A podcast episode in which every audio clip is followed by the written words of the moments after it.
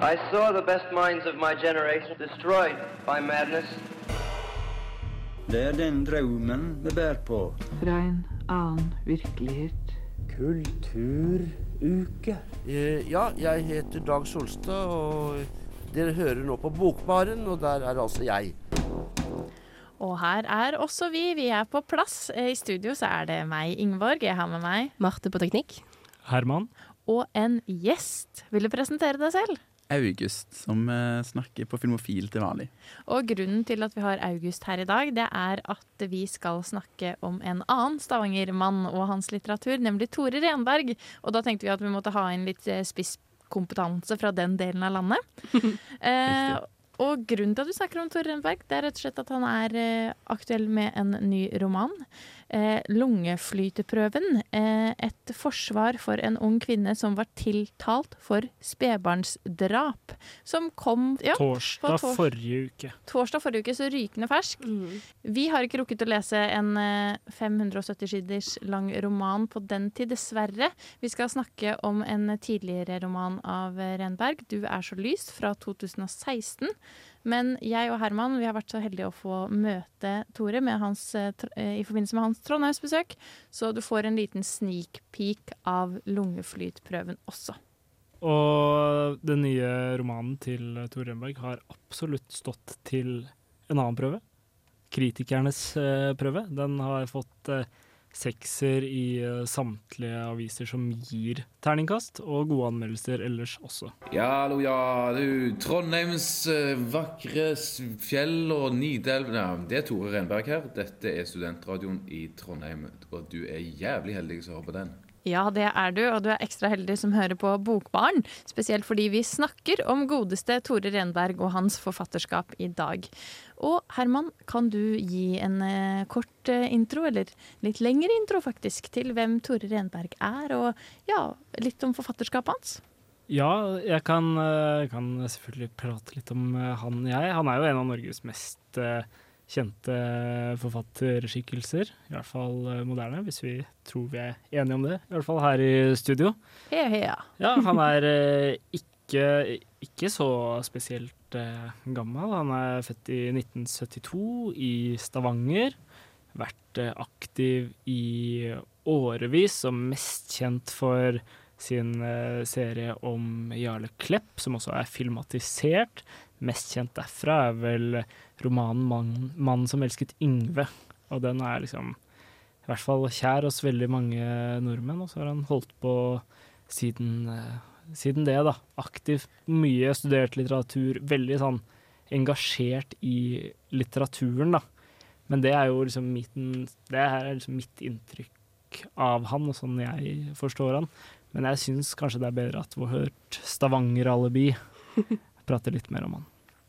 Ja, ja når du ser på det, at den eneste forfatteren i, eh, i Norge, så er han jo i hvert fall en av de sånn skikkelig sånn sentrale kulturskikkelsene i Stavanger. For der føler jeg han gjør litt av alt, egentlig. Han bor i Stavanger, og jeg føler Tater er alltid et sånt uh, Tor Enberg-stykke som de setter opp, og uh, han er altså et mulig sånn styrer på kulturscener og utvalg og alt mulig. Så eh, i begynnelsen var det litt sånn kleint. Eller sånn, ikke kleint, men sånn man har litt sånn eh, elsk-hat-forhold, kanskje. Til sånn eh, Ja, du må Alle, alle fikk liksom Mann som helst Yngve og Kompani Orheim på bok når man var sånn 11-12-13 år gamle. Uh, så jeg har lært å bli veldig glad i Tor Enberg de siste årene. Og egentlig spesielt etter at han begynte å skrive på nynorsk. da, som Den boken vi skal snakke om i dag, er jo, er jo en av de, da. Um, og så Ja, det snakket jeg jo med deg om, Herman, men uh, min far var faktisk med på et uh, bokprogram som gikk på NRK, uh, som Tore Enberg hadde på slutten av 90-tallet, som gjest der. Så det har vært veldig kult å komme og få snakke på et bokprogram om Tore Enberg i dag. Så utrolig kult. Mm. Men hvis jeg har forstått Tore Renberg riktig, så han virker litt som en på en måte sånn kulturell renessansemann som på en måte gjør litt ymse. For sånn, han skriver romaner, og så skriver han Jeg tror han skriver litt dikt, og så skriver Mm. han Han har i hvert fall vært på teatersiden, har jeg forstått. Mm. Og, men òg drevet med musikk. Så er det, sånn, er det noe han ikke har gjort i på en måte, kultur? Ha, har han lagd film ennå? Ja, Å ja, ja, han har det òg, ja. faktisk. Han har skrevet alle filmmanusene til uh... Ah, sånn, ja. ja. Basert på Jarle-bøkene, ja. mm. Mm. Men det, det visste jeg ikke da, men Alt for Egil er jo òg en av mine formative uh, filmopplevelser. Den kom til 2004, så det var jo noen år før uh, iallfall 'Mannens mellomstymil' ble filmatisert. da. Ja. Så den Ja. Der er han manusforfatter bare, da. Det er jo ikke en bok. Mm. ja. Så den er faktisk pensum på et fag på Dragvoll i år. Men jeg syns det var veldig godt oppsummert, eh, Marte. Og for en hedersbetegnelse å bli kalt en renessansemann. Det wow. Eh, Ja, det bedre blir det ikke, tror jeg. For, I hvert fall for Tore Renberg sin del. Og det er kanskje litt det der renessansemannspreget som har leda han over i hans nyeste prosjekt òg. Denne historiske romanen 'Lungeflytprøven'. Mm. Eh, for den har visst tatt utrolig lang tid å skrive, opp mot seks år. Og nå har jo ikke jeg lest romanen enda, men sånn som jeg eh, forstår det når Tore Renberg selv snakker om det, og omtalene, at det som er et sånn ekstremt kapasitet og engasjement og noe som nesten ikke skal være mulig å få til på kun seks år i hermetegn her i studio, Mm. som kanskje ikke er så lett å se. Det var noe som kom veldig tydelig fram da vi var på uh, den måte, premierekvelden. At det er en mann som bryr seg veldig mye om det han jobber med. Og det tror jeg noe som i hvert fall jeg på en måte følte kom veldig tydelig fram i den boken vi har lest i dag.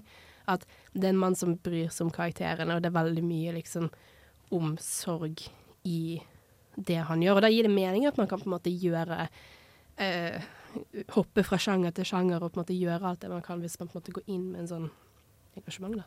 Mhm. Absolutt. Og det er liksom sånn Ja, da vi eh, møtte han og pratet med han, så merker man liksom den, den ekstreme entusiasmen og kjærligheten han har for litteraturen, da. Og det gjorde virkelig inntrykk. Vi fikk jo snakke med Torenberg i nesten 50 minutter i et intervju som kommer senere. Ja, og den her eh, en- en- entusiasmen og kjærligheten han har til litteraturen, er kanskje en grunn til at så mange lesere blir så glad i Tore Renberg og hans bøker også, da. Eh, Og for meg så starta det jo med Jarle-serien. Leste alle bøkene der, og så gikk jeg videre etter hvert til Du er så lys, Tollak Ingborg. Ingeborg. og når jeg begynte å studere litteratur, så leste jeg den På fest hos litteraturen, en sånn samling av eh, foredrag han har holdt. Eh, men hvordan er det med dere? Har dere lest noe Tore Renberg forutenom den romanen vi har lest til i dag? Jeg kan begynne, jeg. Ja, eh, Mannens mellomstymil er jeg usikker på om jeg har eh, lest, har bare sett filmen opp mange ganger. Men det var liksom første, første inngang til det universet der, da. Så husker jeg leste Kompani Orheim. Og så Marie Isabel Hansen som er en andre i, i den uh, Jarle Klepp-trilogien. Og så er det de to nynorske bøkene som har kommet eh, den siste tiden. Og jeg føler at det er to helt forskjellige ting. Så jeg var, ja, jeg tenker ikke at det er samme forfatter nesten der, som er veldig kult. Mm.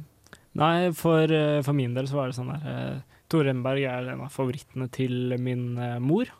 Og hun er veldig stor fan av han og ville alltid at jeg skulle lese 'Mannen som elsket Yngve', og det gjorde jeg da jeg var gikk på ungdomsskolen eller videregående, og så gikk det veldig mange år, og så fikk jeg 'Tollvakt i Ingeborg' av en kompis, og leste den for eh, et par år siden nå. Og det er liksom det jeg hadde lest før vi leste 'Du er så lys' da, til i dag. Mm. Dette er veldig pinlig. Dette er min første Tore Renberg-bok. Men eh, jeg er frelst, og jeg vil lese mer. Så bra. Og jeg mener jo at den uh, Jarle Klepp-serien, da, 'Mannen som elsket Yngve' og, og, og så videre, de fire bøkene der, at det ikke nødvendigvis er en sånn serie for ungdommer. Jeg syns også det kan være en serie for unge voksne. Jeg tror kanskje jeg leste den da jeg var i 20-åra, så litt senere enn deg, Herman. Og jeg følte fortsatt at jeg fikk veldig mye ut av det, og kanskje spesielt liksom, liksom kulturell kapital. Var, jeg hadde tenkt å ha på meg en The Smiths-T-skjorte i dagens anledning, men jeg glemte det. Men eh, det var i hvert fall Tore Renberg som introduserte meg til det bandet. Og liksom, jeg vet ikke, Selv om de går på videregående, så er det liksom noe veldig sånn allmennmenneskelig med de skildringene han har. Ja, det er Tore Renberg som er på besøk. Og hør nå her. Det er ingenting som er finere enn et nysgjerrig menneske. Eller jo, det er det. Og det er et menneske som setter seg til og åpner ei bok og lese. Kom an. Men du er jo også ute med en ny bok nå. Mhm.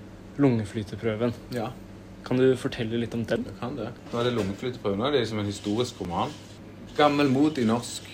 Ikke 1600-talls norsk, for det er helt uleselig. Ja. Da ville folk bare sånn «Øh». eh, Petter Dass. Jeg leser Petter Dass, men jeg forventer jo ikke at folk der ute skal lese kanskje Norges beste forfatter. Petter Dass hele tiden. For det, det krever litt. Eh, Mm. Du må jobbe litt med det. Men når du, som alt annet, når du har jobba, så er det jo bare å eh, Så da måtte jeg, sant? Her skulle jeg da fortelle historien om en faktisk kriminalsak og rettssak som foregår i 1680-årene, som jeg har funnet. True crime, kunne du kalle det, men det, det høres litt innsnevrende ut. For det er en retts... Et, med, et, tra, tra, en tragedie med en ung jente som blir tiltalt for spedbarnsdrap når hun er 15 år.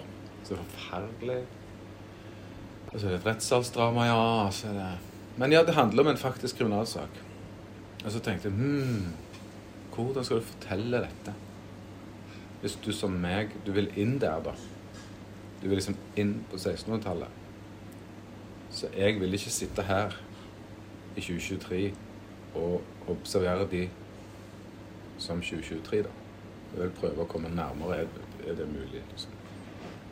Så derfor måtte jeg gjøre noen sånne grep. Bruke et annet språk. Og jeg la meg på det. Jeg tenkte at dette er akkurat som om Dickens skal skrive om denne historien.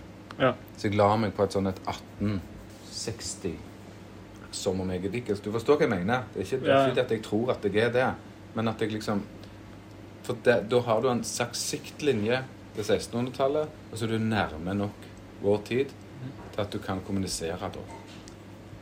Og så har, har jo 1800-tallsromanen har, har så utrolig eh, fargerike karakterer og alt sånt som jeg elsker, da. Det er jo en sånn favorittepoke for meg. Helt steinbra, syns jeg. Det som skjedde da, det var at jeg, eh, jeg holdt på for noen år siden å studere litt rettsmedisin fordi jeg skrev om noe annet. Men sett meg inn i det lite grann. Og så leste jeg i et historisk oversiktsverk, sto der Moderne rettsmedisin kan dateres til 1681, da den tyske legen Johannes Schreier utførte den første lungeflyteprøven og dermed reddet 15 år gamle Anna Vogts liv. Tenkte jeg, fader. Eh, retts, Starten med moderne rettsmedisin. Lungeflyteprøven, hva i all verden? Jeg har aldri hørt om det. Og så den siste setningen. Reddet 15 år gamle Anna Vogts liv. Så tenkte jeg, her er det et eller annet. Det er sikkert skrevet masse TV-serier om det, og mange romaner tenkte jeg å lage doku-greier. Så begynte jeg å google rundt. Da finner jeg veldig lite. Bare henvisninger i medisinske verk. Hun har Anna Vogt er liksom borte. Ingen har brydd seg om hennes historie. Grav og grav finner fint lite. Og til slutt så finner jeg henvisninger til noen originale kilder. Da skjønner jeg at dette har ikke vært skrevet om siden begynnelsen av 1700-tallet. Av han advokaten sjøl som førte saken, og han legen som fremførte denne prøven. Og så tenkte jeg Shit. Nå. Mm. Dette materialet. Og så så jeg at det foregikk akkurat i skjæringspunktet mellom gammel tid og opplysningstiden. Altså vår tids fødsel, kan du si. Det foregikk i den tiden da demokrati, barnerettigheter, kvinners rettigheter, svakerestilte svakerestiltes rettigheter, psykisk helse det, Ingenting av det fantes. Tenk på det. Mm. Noen hadde, men noen hadde begynt å tenke tanken Skal vi ha et samfunn uten tortur? Hey. Kanskje vi skal ha et samfunn uten dødsstraff? I hvert fall for små unge jenter som har Stakkars. Eller unge jenter, unge jenter som har havnet i ulykker. Skal vi kanskje la folk få ha ytringsfrihet? Tenk det. det er det de, disse tingene begynner da. Og så får vi denne romanen, eller denne historien nå, akkurat der. Og denne lungeflyteprøven er et medisinsk bevis som her ble ført fram for retten for første gang, som kan fortelle om barnet levde i mors mage eller døde etterpå. Ja. Så når de kan fremføre det for retten i en spedbarnsdrapssak, så er det ikke teologene, filosofene, dommerne, juristene, vitnene som sier Nei, jeg tror at den ungen var død, eller Gud mener det, eller sant? Da kan han legge det på bordet, så kan han si Hør nå her, du. Dette barnet, det var dødt i mors liv. Hun kan ikke ha drept det.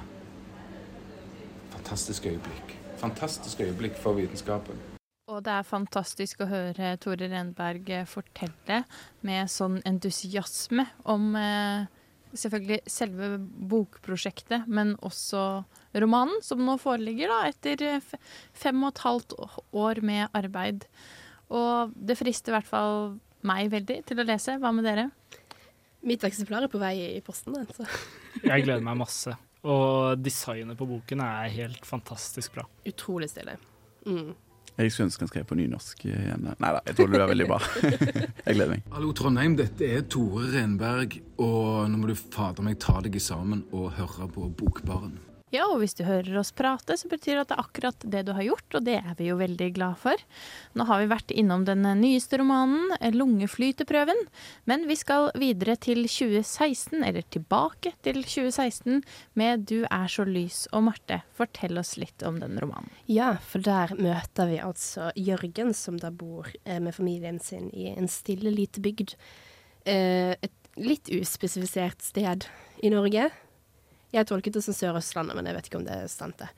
Um, men han lever altså da et veldig vanlig, um, og kanskje litt kjedelig liv. Hvor han jobber som miljøarbeider, og han er da Det mest interessante med Jørgen er at han er lidenskapelig, og det er kanskje et svakt ord å bruke, opptatt av fotballaget Westham fra London, som et sånn arbeiderklasselag. Veldig viktig for han, da. Um, så han har da familien sin med, gift med Vibeke, som han er veldig glad i, og har to sønner, eh, Eyolf og Vidar. Um, og de lever veldig vanlig liv, helt til det flytter inn en familie i nabohuset, eh, som da blir kalt for Hognehuset, som man sier på stavangerdialekten. Beklager veldig.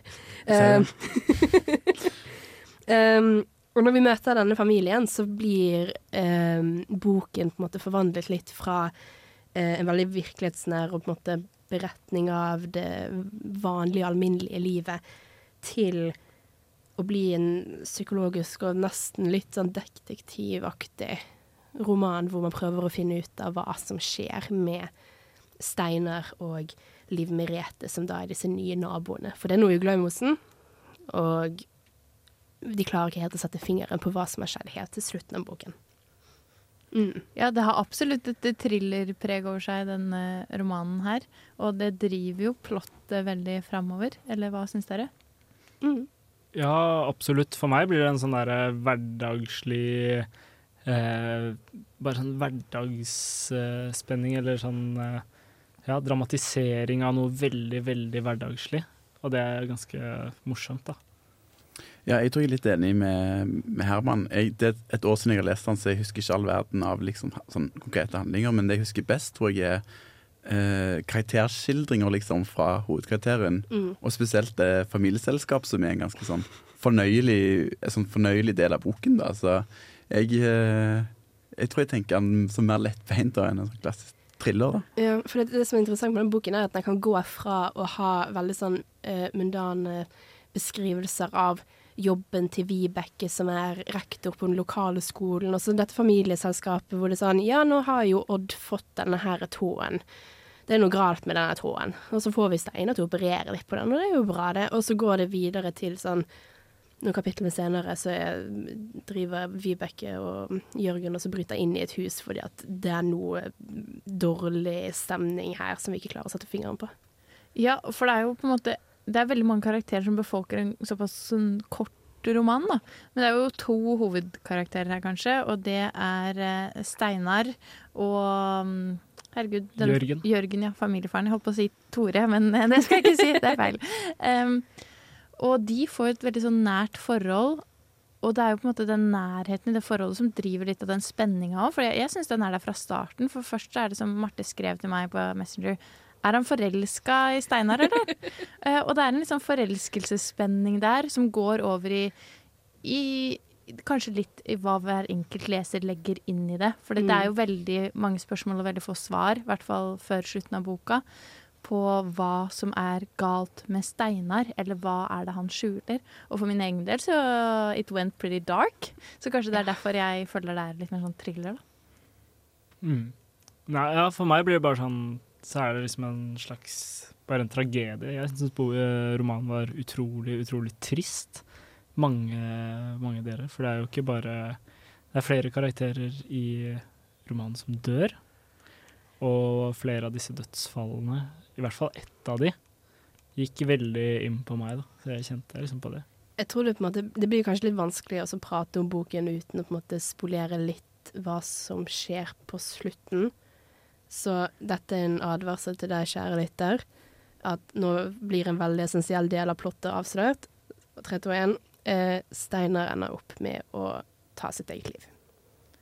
Og når dette kommer for en dag, at det er på en måte det som er, har skjedd, eller er det det som har vært det underliggende, at det bare rett og slett er et deprimert menneske, så forsvinner jo den her thriller-effekten veldig brått. Ja. Eh, eller et thriller er kanskje feil ord å si, men spenningsroman, da det er et eller annet han bruker for å liksom, drive narrativet videre. Men da blir det, som Herman sier, en veldig sånn sår fortelling, en veldig menneskelig fortelling. Og det er Mhm. kanskje det som betegner boka mest, liksom. Tore Renbergs kjærlighet til menneskene og evnen til å på en måte sette seg inn i så mange forskjellige hoder. da. Mm. Hva syns du, August? Jo, jeg er helt uh, enig. Jeg tenkte litt på det du sa med å, nesten virke som en sånn uh, romantisk spenning. Men det er jo eh, Steinar representerer jo på en måte alt det som Jørgen ikke er, eller han er en som får til masse.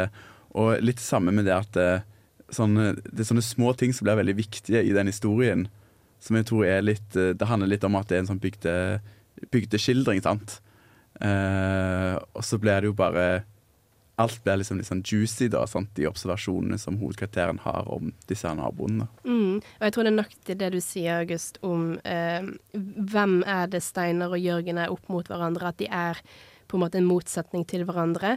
At Steinar blir en karakter som kanskje Jørgen har lyst til å bli litt mer som, fordi at han er denne her showman som er veldig eh, tilsynelatende morsom, eh, ut, eh, utadvendt, mens Jørgen har en sånn ro, kanskje og et alminnelighet, og han klarer liksom å fungere i hverdagen som jeg tror Steinar ønsker mer, da, spesielt når han går gjennom alle disse mørke og vonde tidene hvor han ikke klarer å komme seg opp av sengen. Ja, og så er det det med at de trenger hverandre, på en måte. Fordi det er kanskje veldig lett å tenke at eh, Steinar er liksom den kule her. Altså, romanen heter jo 'Du er så lys', og det er en henspiller på at Steinar er et sånn lys som kommer inn i rommet, og alle liker Steinar. og alle kjenner jo på en måte egentlig en sånn person. Så det er veldig liksom, lett å romantisere den karakteren og tenke at ja, han kaster sitt lys over Jørgen. Men så kommer det jo fram mot slutten av boka at Jørgen har vært på en måte den karakteren i Steinar sitt liv. da. Mm. Som jeg bare syns er så fint. Og hvis du begynner å da tenke på alle sånne motsetninger som finnes i livet, så ja, er det alltid to, to sider av en sak, da. Ja, fordi i Steinars øyne er jo sånn For at eh, denne romanen fortelles jo fra to forskjellige perspektiver. Hovedsakelig fra, eh, fra Jørgens, fra hans hode, og resten fra Steinars. Da. Så man får et sånn utvekslende blikk på hvordan de ser hverandre, da, som er veldig sånn kult narratologisk grep, syns jeg. OK, dette er ikke vinbaren. Dette er ikke ølbaren. Dette er ikke Stavanger-baren. Dette er bokbaren. Ja, det er Bokbaren, og vi snakker om Du er så lys. Eh, og vi var jo godt inn i diskusjonen eh, her før vi hørte litt musikk. Og noe vi snakket om under låten, var kanskje hva prøver Tore Renberg å si med denne romanen? Eller hva, hva, hva tolker vi ut fra den? Og Herman, hva er ditt take? Uh, jeg På en måte Det jeg tar liksom med meg fra denne her, da. Sånn, for det er et sånn todelt eh, perspektiv som, som jeg var litt inne på eh, i stad. At det liksom blir fortalt litt fra Jørgens side, også, eller mest fra Jørgens side, og så litt fra eh, Steinars side. Og så, eh, men det fra Jørgens side er på en måte sånn Han snakker hele tiden om at han er så hverdagslig, da. At det er liksom sånn ja, helt vanlig fyr som bare liker fotball og. Alt det, ting som er liksom veldig vanlig, da, som folk ser på som veldig sånn, ja Helt, helt vanlig og greit, da, men det, jeg tror Tore Rønberg prøver å forklare at det å være vanlig er jævla fint, da. Mm. Jeg er veldig enig i det. Det var noe som bet meg veldig merke i um, da jeg leste, eller hørte på boken, da, var jo at det er helt normale folk som lever helt ordinære liv, og som ikke nødvendigvis har noe behov for å være unik, eller for å så på en måte komme seg opp og fram nødvendigvis. Og det var veldig fint å høre på, egentlig. For det, det er ikke et jag etter eh, noe bedre, nødvendigvis. Og jeg tror det er kanskje litt det òg, spesielt når du på en måte finner ut av det som skjer med Steinar, at det, det er egentlig veldig greit å være helt ordinær. August? Ja, jeg stiller meg òg eh, bak den at eh, for Steinar-karakteren så har jo han Det er jo jaget som en sånn knokk i koden, på en måte, og han har ikke den der liksom angsten og depresjonen da, på en måte med å prøve å finne en sånn lykke, da. Han, er, han har den på en måte. Um, og så syns jeg, det, det snakket vi om tidligere, Ingeborg, men et poeng som uh, var det at uh, man driver jo og tenker at det er noe mer da, med, med den karakteren. sant? Det er nesten litt antiklimatisk, ja. Ja. Uh, og så husker jeg at på et tidspunkt snakket vi om sånn, at han hadde mjølk i øynene eller noe sånt, som jeg liksom tenker at det var en sånn ondskap, på en måte. Og så er det ikke det, og det blir nesten en sånn kommentar kanskje til eh, sånn som mange leser thrillere, da, at, eh, at her er det liksom ja, her, her er liksom ondskap, da. Sant? Det er ikke Mm. bare en som sliter med psyken sin. Ja, jeg føler på en måte Tore Renberg prøver å snakke litt til meg som leser at åhåhå, tenkte du det verste? Tenkte du at han var pedofil? Eh, nei, dette er bare et menneske som sliter. Kanskje du heller skal spørre har du det bra? Ja. Mm. Jeg er veldig enig. Mm. Jeg har også en annen ting eh, jeg har tenkt mye på også, da, det er at han at uh, En annen ting som er tema, da, og som han tematiserer gjennom romanen, er liksom sånn Det at folk dør, og at livet går videre, og at folk er onde, og at fæle ting skjer, da, men allikevel så fortsetter en hverdag etter det. At det liksom blir på en måte dramatisering av hverdagen gjennom vanlige ting som skjer, som gir innsikt i at sånne ting skjer. Mm. Men eh, boken er jo forfatta på en litt spesiell måte. For vi har denne førstepersonsfortellingen til Jørgen. Og så har vi disse på en måte dagbokskildringene til Steinar. Hvordan syns dere det grepet funka? Og så vet jeg at i hvert fall du, Martha, hørt på lydbok, og dere andre er litt usikre på. Men hvordan funka det formatet, og hvordan funka det på lydbok spesifikt? Jeg syns det fungerte veldig bra. Um, for det ble på en måte ganske tydelig uh, når man hopper over til på en måte lydbokformatet. Og så på en måte effekten av det er jo på en måte litt dette et menneske som er borte. Han, har ikke på en måte muligheten til å introdusere seg selv. Han etterlater jo egentlig ikke noe brev. På en måte det tradisjonelle brevet. Dette er jo på en måte historien hans, da. Så det er jo på en måte en veldig smart måte å få vist fram alt dette som Steinar har tenkt på. Um, og så syns jeg det er veldig interessant hvordan man får da en på en måte gjenfortelling av alt som har foregått i romanen hittil, men sett fra Steinars sitt blikk. Og da er jo ikke det på en måte en sånn mistenkelig historie om en fyr som plutselig forsvinner tolv timer eller noe sånt i London, hvor man begynner å lure på hva i all verden er det han har skjedd, skjedd med han. Det er jo bare en utrolig trist historie om en mann som ikke har det bra. Mm. Vel, Ja. Ja, nei, for min del funka det det er, sånn, det er sånn både og. Jeg er liksom sånn splitta på den. Fordi at på den ene siden så var det en veldig fin avslutning, syns jeg. Å liksom få høre fra en mann vi lurte på hva han mente.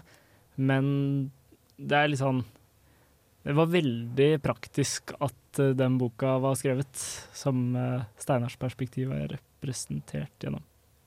August? Ja, eh, nei, jeg er litt eh, enig. Og jeg har skjønt, når jeg leste om den etterpå, så skjønner jeg at det er en litt sånn polariserende slutt på boken. Og eh, dette synes jeg var veldig skuffende, var at jeg likte den boken så enormt godt. At det, for det, det går jo veldig Det går over kanskje 50 sider. Så man leser boken, trodde jeg hadde masse igjen. Og så er det bare masse, masse sider med sånn 20 ord, da, for det er jo sånn Mm. dagbokinnlegg, da. Eh, så jeg, jeg syns han var Jeg synes han var fin, og litt, litt antiklimatisk, eh, kanskje. Sånn som snakket om at det var liksom en mer naturlig og mindre sånn sensasjonell forklaring, da. Ja, for, ja, for jeg skulle til å si det samme. Jeg tror det liksom noe av grunnen til at det der med at eh, det har vært litt sånn splitta meninger på om man liker det det dobbeltperspektivet eller slutten så godt, er nettopp det at du mister litt av den driven som det derre sp overhengende spørsmålet 'Hvem er han? Hva skjuler han?' Mm. Det, det forsvinner jo litt i det vi får vite. Får Steinar sitt perspektiv, så kanskje det er en grunn til at folk er litt splitta på det. da. Eh, For min del så uh, var det nok sånn at første gangen så ble jeg også litt sånn skuffa. Sikkert over at det drivet slutta litt, og som du sier at man trodde man hadde mer igjen av boka. Men så hørte jeg gjennom en gang til i forbindelse med sendinga, og da bare syns jeg det var utrolig vakkert, liksom. At ja, det kunne ikke slutta på noen annen måte. Mm. Ja. Så kanskje det er en sånn leseropplevelse som kan være litt sånn ja, eh, utviklende. At du kan lese den flere ganger og ha ulike perspektiv. Mm, for det er jo på en måte en karakter som Han skriver veldig pent. Og så når han snakker om Jørgen som dette her er lyset, som hele tiden har vært presentert i boken nå som noe helt alminnelig gråsteinaktig, og så blir han presentert som en sånn diamant i livet, det er sånn Det er veldig vakkert. Jeg vet ikke. Jeg likte det veldig godt, da. Absolutt en bok vi vil anbefale. Hallo Trondheim, dette er Tore Renberg som er på besøk fra Stavanger, og i morgen så tenkte jeg nei, er det noe i hele verden som er finere enn å se et menneske som setter seg ned og åpner ei bok? Eller for å si det rett ut, det er utrolig sexy. Ja, det er fucking hot. Eh, og noe annet som er eh, hot, det er Bokbarns eh, lesetips. Og Herman, hva har du tatt med til oss i dag? Jeg vil anbefale alle som hører på, bøkene om Jarle Klepp, og spesielt 'Mannen som elsket Yngve'. Utrolig bra oppvekstskildring. Vil du gi veldig kort hva det handler om? Det handler om en mann som elsker Yngve. Ja, kort. Ja, jeg, jeg har lyst til å si uh, 'Tollak til Ingeborg', som kom vel i 2020. Og er en av de sånn sterkeste leseopplevelsene jeg har hatt noensinne, tror jeg. Eneste boken jeg har liksom gitt til noen andre, fordi denne skal du lese. På en måte, Den er helt utrolig bra. Og handler også skrevet på nynorsk, og handler om Tollak som bor litt sånn avsidesliggende. Så det er en sånn der han gretne landsbygubben, da. Og så får vi liksom fortalt hans historie. Veldig bra. Ja, 'Du er så lys' er for så vidt også skrevet på nynorsk, hvis det ikke kom eh, godt nok fram. Eh, Jeg personlig hørte Tore Renbergs innlesning og kan anbefale det. Mm. Og utover det så vil jeg anbefale en bok som jeg nevnte innledningsvis, 'På fest hos litteraturen', som er en foredragsrekke hvor Tore Renberg snakker litt om sine litterære forbilder. Ha det! Ha det bra. Du har lyttet til en podkast fra Radio Revolt, studentradioen i Trondheim. Likte du dette, kan vi også anbefale. Kamerater, tiden er inne. Vi har lidd altfor lenge under tonalismens tyranni. Det er høyt på tide at vi åpner burene og frigjør oss fra harmonilærens jerngrep. Vi trenger ikke bare klassekamp, kamerater. Vi trenger åpen klassekamp.